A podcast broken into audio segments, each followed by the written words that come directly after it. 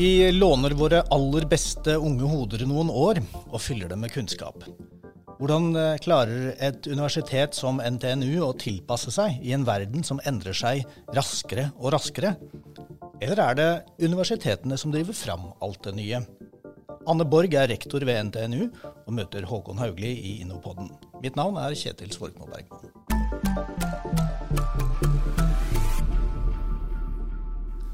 Velkommen hit til eh, Innopodden, Anne Borg. Tusen takk. Veldig hyggelig å være her. Dere utdanner ingeniørene som skal utvikle løsningene for de nye næringene Norge trenger. Og vi står midt i et skifte der verden må bli grønnere. Hvordan tilpasser dere undervisningen til stadig nye krav? Det gjør vi vel egentlig hver dag, men i den sammenhengen her så tenker jeg det er naturlig å nevne at vi akkurat har fått rapportene fra to viktige utviklingsprosjekt hos oss, som har navnet Fremtidens teknologistudier og Fremtidens humaniora og samfunnsvitenskapelige studier. De viser noen rammer, ikke akkurat den faglige innholdet, men, men forteller om altså, hva er det morgendagens eh, kandidater trenger. Og da er det noen stikkord som er i tida. Det er kompetanse innen bærekraft, eh, digitalisering, og det med, å, med, samhandling, det å jobbe på tvers. Skal vi løse de store samfunnsutfordringene framover, så trenger vi å kunne jobbe på tvers av fag. Og så skal de jo også bidra til de nye arbeidsplassene. Så det på en måte å ha en slags innovasjonstankegang, det er også viktig. Og dette skal de jo lære gjennom studiene, da. Så de skal ha på en måte faget, og så må vi få inn disse elementene som en integrert del av det vi gjør. Og det gjør vi jo bl.a. gjennom å endre læringsformer og aktiviteter, og gjennom i noen tilfeller spesifikke emner. Og så vil det utvikle seg over tid. Et eksempel kan jo være nå at nå er det jo veldig mye snakk om batteri. At vi skal bli en nasjon som også skal drive med batteriproduksjon. Og da, særlig på teknologiområdet, der vi har, i hvert fall på de sivilingeniørstudiene vi har som er femårige, så har vi jo fem år å gjøre det på. Og på slutten av de studiene, som vi allerede har, så kan vi legge inn emner og fordypninger inn mot ulike elementer innafor det temaet her. Og det jobber vi med helt konkret akkurat nå. Mm. Men, men, klarer dere det? Klarer dere å, å omstille undervisningen like fort som, som si, de nye kravene kommer? Det vil jeg vel eh, det kan, det kan vi sikkert diskutere. Eh, men jeg tenker at vi må også minne oss sjøl om at det er et Altså i en sånn utdanning eh, på universitetet så, treng, så må kandidatene ha en faglig basis. Den har ganske lang levetid. Mm. Og så kan vi gjøre ganske raske ting mot slutten av bachelor, eh, et bachelorløp eller et masterløp ved å gi dem eh, oppgaver, altså bacheloroppgaver, masteroppgaver, enkeltemner, som kan komme inn ganske fort. Er det sånn da at undervisningen og forskningen går hånd i hanske, eller må dere gjøre en, en egen jobb for å dreie forskningen også? Det her går, Dette her er hånd i hanske. Altså, den utdanninga vi har, den er helt avhengig av at vi har, i, har god forskning på de temaene. Og da er det jo, hvis vi går tilbake til batterier, så har vi eh, en betydelig aktivitet innenfor eh, forskning knytta til eh, batteriproduksjon eh, på ulike måter. Så, så, vi har et grunnlag for å gå enda mer inn i det området. Og ofte så er det jo sånn at forskerne ser litt lenger fram enn kanskje næringslivet gjør, og det, det, bør den jo gjøre. Eh, og det er jo et godt utgangspunkt også for at vi får de endringene i studietilbudet som vi da faktisk trenger. Mm. Men allikevel, Håkon, så er det jo sånn at næringslivet stadig peker på det å få tak i nok folk med den rette kompetansen som en stor utfordring. Absolutt. Ja, det her ligger jo noen dilemmaer òg. fordi på den ene siden så etterlyser jo store deler av næringslivet dybde Eh, kompetanse på noen områder. Det kan være batterier eller digital eller altså, kunstig intelligens eller annet. Samtidig ønsker man økt tempo i utdanningen, at det er tettere på næringslivet og arbeidslivets behov. Og økt tverrfaglighet. Så det er jo ikke noe enkel ønskeliste næringslivet gir til høyere utdannings- og forskningsinstitusjoner, oppfatter jeg, men kompetanse er jo helt avgjørende. Og da, Et annet resonnement, da jeg blir inspirert av det Anne sier, det er jo universitetene og kanskje NTNU i særdeleshet har jo viktige oppdrag både innenfor utdanning og forskning og innovasjon. Men de tre henger jo veldig veldig nøye sammen. fordi i utdanning ligger det mange bidrag til innovasjon. I forskning ligger det mange bidrag til innovasjon, og selvsagt i innovasjonsoppdraget. Og de tre tingene henger veldig nøye sammen og bringer meg egentlig til nysgjerrighet, for dette handler veldig mye om kultur da, ved utdanningsinstitusjonen. og er det sånn at det har vært noen, Opplever du har vært en endring i retning innovasjonskultur de siste årene? Det er for mye gjetning da, at det skjer jo noe nå? Ja, det, det vil jeg si. Um, for eksempel så Eh, har vi jo da vi, Eller da vi fikk nye rammeplaner for ingeniørutdanning, så lå det jo forventninger om altså ikke, Vi kaller det jo ofte da entreprenørielle ferdigheter, og at det skal, skal gjennomsyre utdanningene.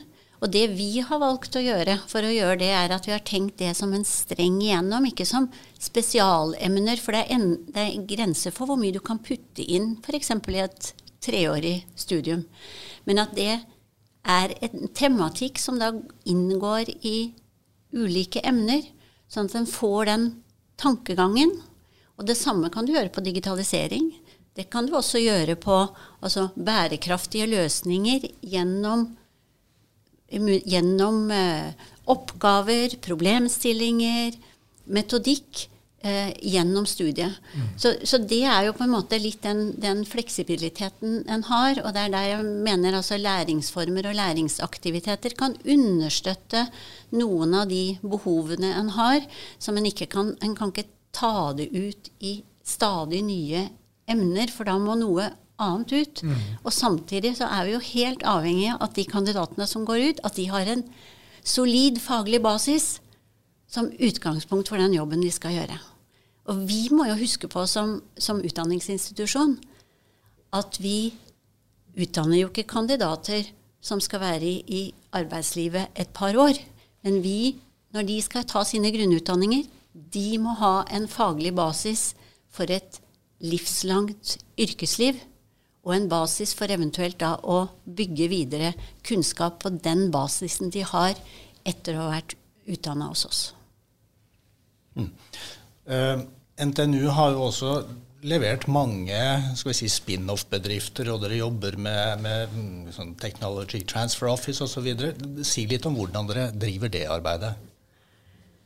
Ja, det, kanskje jeg skulle fått min min prorektor for nyskaping til å snakke om det. Vi har jo en prorektor for nyskaping og hatt det i, i, eh, i mange år.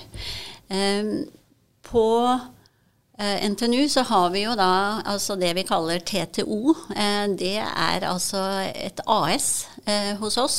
De har et ansvar for å ivareta at vi, altså IPR i forhold til, til oppstart, patentering osv. Um, og så har vi internt hatt et prosjekt nå over noen få år, altså med innovasjonsledere. altså Hvordan vi prøver å jobbe mer og mer systematisk i forhold til å se på hvordan kan vi ta ut eh, potensielle innovasjoner fra de sentrene og de forskningsaktivitetene som vi har. Så det gjør vi på og ja, altså vi har egentlig en tradisjon for å, å, se på hvordan vi kan bidra til innovasjon. Og så må jeg jo samtidig si at der vi bidrar mest, er nok i eksisterende eh, næringsliv. Og også så er vi nok også i, i økende grad eh, også involvert i forhold til offentlig sektor. Altså mer kanskje mer mot tjenesteinnovasjon mm. eh, og ut, bidra til utvikling av, av, offentlig sektor.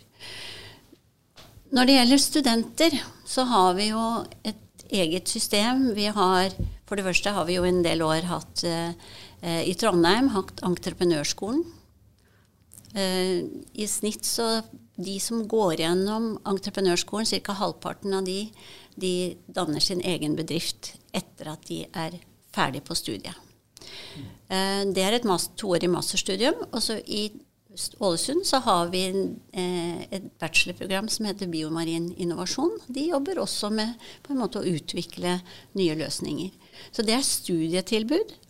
Og så har vi ulike virkemidler for studenter som, som bare av seg sjøl Eh, ønsker å, eller har noen ideer, prøve å, eh, å, utvikle en bedrift ut fra noen ideer som de har. Og da har vi bl.a. et, eh, et virkemiddel som heter Spark. Eh, og der, det heter eh, Det er på en måte en slags student-student-mentorordning. Så det kalles en De snakker bl.a. om eh, en kompis med peiling. Ja, det er så bra. og så har vi lagd et, ja, og så har vi lagd et studentinnovasjonssenter nå som, eh, som heter Gruva. Akkurat. Her har jeg vært så heldig å ha vært på besøk. Det er jo utrolig gøy å se, da.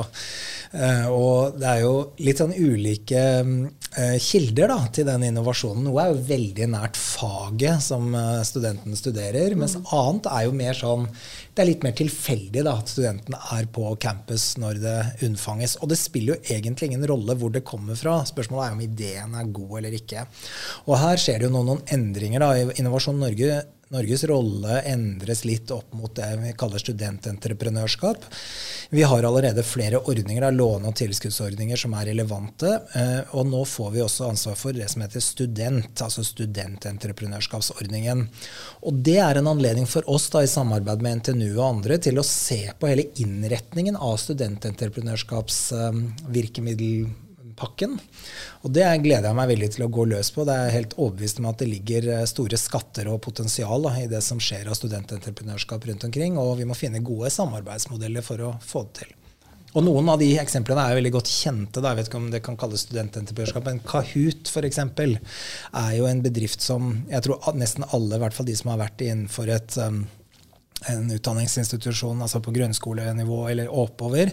Og nesten alle firmafester har jo en Kahoot. Det er jo et eksempel på en, en, en, bedrift som er unnfanget på NTNU, og som har vokst eh, globalt og blitt eh, stor. Jeg har inntrykk av at dette er faktisk litt av en hjertesak for deg? Ja, jeg er jo veldig opptatt av jeg tror jeg er i hvert fall veldig opptatt av å viske ut disse skillene da, mellom den ene type innovasjon og den andre, og si at vi har liksom ett system for det og så ett system for det. Jeg tror man må tenke at hver, egentlig, hver etablering av en ny virksomhet, eller egentlig hver idé, kan man si, har sitt løp, og det må tilpasses. Det er ulike utviklingsløp. Noen tar veldig lang tid. altså Vi tenker et farmasøytisk eh, produkt, f.eks. Det krever én type type prosess. Annet, altså tjenesteinnovasjon, som Anne nevner, krever jo sånn type samhandling fra veldig mange aktører. Det har en helt annen dynamikk. Så jeg tror det å, å tenke heller starte da med, med, ideen eller bedriften og tenke hva er det som trengs her for å realisere dette potensialet, kontra å ha liksom standardløsninger som skal leveres noen som er på et bestemt sted eller i en bestemt fase. Det tror jeg er helt avgjørende. Det er jo dette vi kaller sparring da, i Innovasjon Norge, men det er viktig. Ja.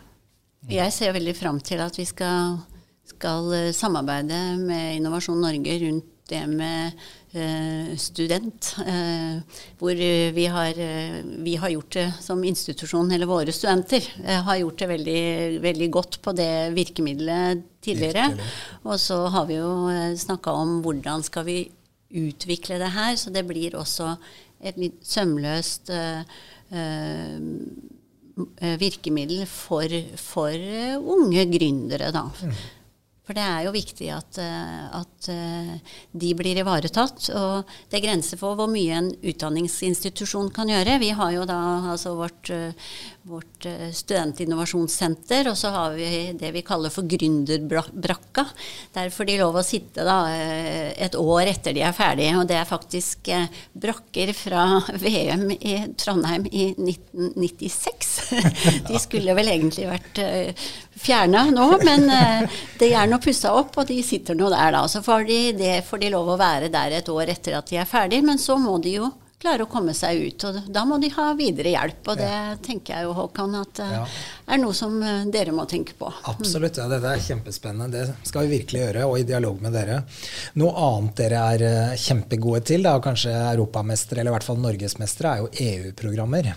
NTNU er jo eh, suverent gode på å være både påkoblet prosessene i EU og det å tenke sånn nasjonalt, europeisk samtidig. Kan du ikke si litt om hva dere gjør der er mulig jeg ga dere medaljer du ikke følte du helt hadde mm, Nei, jeg vet ikke. Nå var det jo akkurat en oversikt her nå da, og hvem som hadde henta oh, ja. mest penger fra, fra, EU. Og de som topper den lista, det er jo Sintef. Og mm. av universitetene så er det jo eh, Universitetet i Oslo som ja. har henta mest midler fra eh, Horisont 2020, som nå er i ferd med å gå over til Horisont eh, Europa.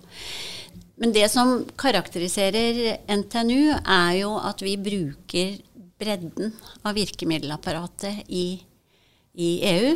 Det, de pilarene som er der. Eh, eh, og vi er jo veldig opptatt av at vi skal eh, gjøre det. Eh, Excellence-pilaren eh, skulle vi jo gjerne vært litt bedre på. Eh, men det med Altså det som har med med de utfordringene og den omstillingen vi skal ha, det er jo et tema som vi, vi ønsker å jobbe med, og som vi egentlig på mange vis er ganske vant med å jobbe med. Vi, fikk jo også, vi har jo også lederskap i et av de nye prosjektene i eh, European Green Deal. Og er også deltaker på minst et annet. Eh, så vi jobber systematisk med det, og også sånn sett mer på innovasjonspilaren. Ja. Eh, gjør det bra. Vi har på det som heter Future Emerging Technologies, og, og nå heter Pathfinder, har vi jo også gjort det bra på. Ja. Kan du ikke nevne noen av de områdene, for det er utrolig interessant, de tematiske områdene dere er inne på der, bl.a. mat? Ja, altså vi eh, vi er jo medlemmer av det det de, de kaller altså kicker. kicker i, ja. ja. Um, i, i, EU. Altså Uh, hvor, altså hvor, vi Det er InnoEnergy, altså, og vi er på mat. Vi er på råmaterialer. Uh, og nå skulle jeg jo klare å huske de andre. Vi har jo også to til Ja, så er vi helse. Uh, og så nå husker jeg ikke den femte, men vi er vi er inne på flere områder. Det er viktige plattformer. Veldig platt, viktige plattformer for å eh, for nettverk uh, og for å på en måte ja, skaffe, altså få partnere. Vi har jo mange partnere i, uh, på prosjekter. jeg tror, hvis jeg husker tallene nå, altså i Horisont 2020, så har vi da samarbeida med 2000 enkeltinstitusjoner globalt Oi. i 260 prosjekter. Mm. Ja. Og det, så vi er jo eh, eh, Så vi er jo eh, store. Eh, og vi er blant de 25 eh, universitetene i rammeprogrammet med mest prosjekttildeling på samarbeidsprosjekter som adresserer store samfunnsutfordringer. Det som er litt artig med den lista av kicker, er jo at det reflekterer både godt disse store samfunnsutfordringene vi står i nå, altså mm. klima hvor energi er relevant. Mat, som jo blir en kjempeutfordring med å eh, skaffe nok mat til eh, en voksende befolkning. Um, og helse, hvor vi vet at vi står midt i en kjempeutfordring på helse, hvor det kreves innovasjon. Men det er jo også områder, og særlig de to første, hvor Norge har fantastiske fortrinn. Hvor vi har, uh, har etab både etablerte kunnskapsmiljøer og et næringsliv som kan levere. Og det til lytterne som ikke kanskje kjenner denne pilarlogikken i EU så godt, så er det jo EU har jo vridd dette forsknings- og innovasjonsprogrammet sitt, som før het Horisont 2020, til Horisont Europa, med å legge større vekt da, på noe vi er ganske gode til i Norge, som er disse formålsdrevne arenaene, eller missions, mm. som nettopp er for å treffe den type litt sånn kompliserte, tverrfaglige, tverrsektorielle utfordringene. Og det andre EU gjør, det er å etablere en innovasjonspilar, hvor den ligger den Pathfinder, men også det som heter European Innovation Council, hvor vi som Innovasjon Norge har et ansvar, hvor man skal bidra til at bedrifter med ulike utgangspunkt får en mulighet til å vokse i Europa. Hvor vi ligger bak land som eh, USA og, og Asia, land i Asia på å få det til. Så det er veldig veldig spennende. og Det krever at vi stokker beina her hjemme og lykkes med med dette. Og det er viktig, altså EU er ikke bare en finansieringskilde. Veldig mye viktigere er det du tar opp, Anne. Da. Det er jo nettverk, kompetanse, partnerskap, eh, synliggjøring i relevante markeder og alt det merverdien da, som ligger i det. Og selvsagt betyr det også noe med finansiering. Ja, men altså, finansieringa det er jo ikke et mål i seg sjøl. Finansieringa er jo et virkemiddel for at vi skal få til den omstillinga som vi trenger. At vi skal ha et godt samfunn. At vi skal ha eh, et næringsliv, en offentlig sektor, som er god for eh, innbyggerne våre. Og i den sammenhengen her, altså i Europa. Og det er vel egentlig en veldig passende avslutning på denne Innopoden. Takk for at du var med oss, Anne Borg. Og takk til deg, Håkon Haugli. Vi høres igjen i Innopoden. Mitt navn er Kjetil Svorkmo Bregman.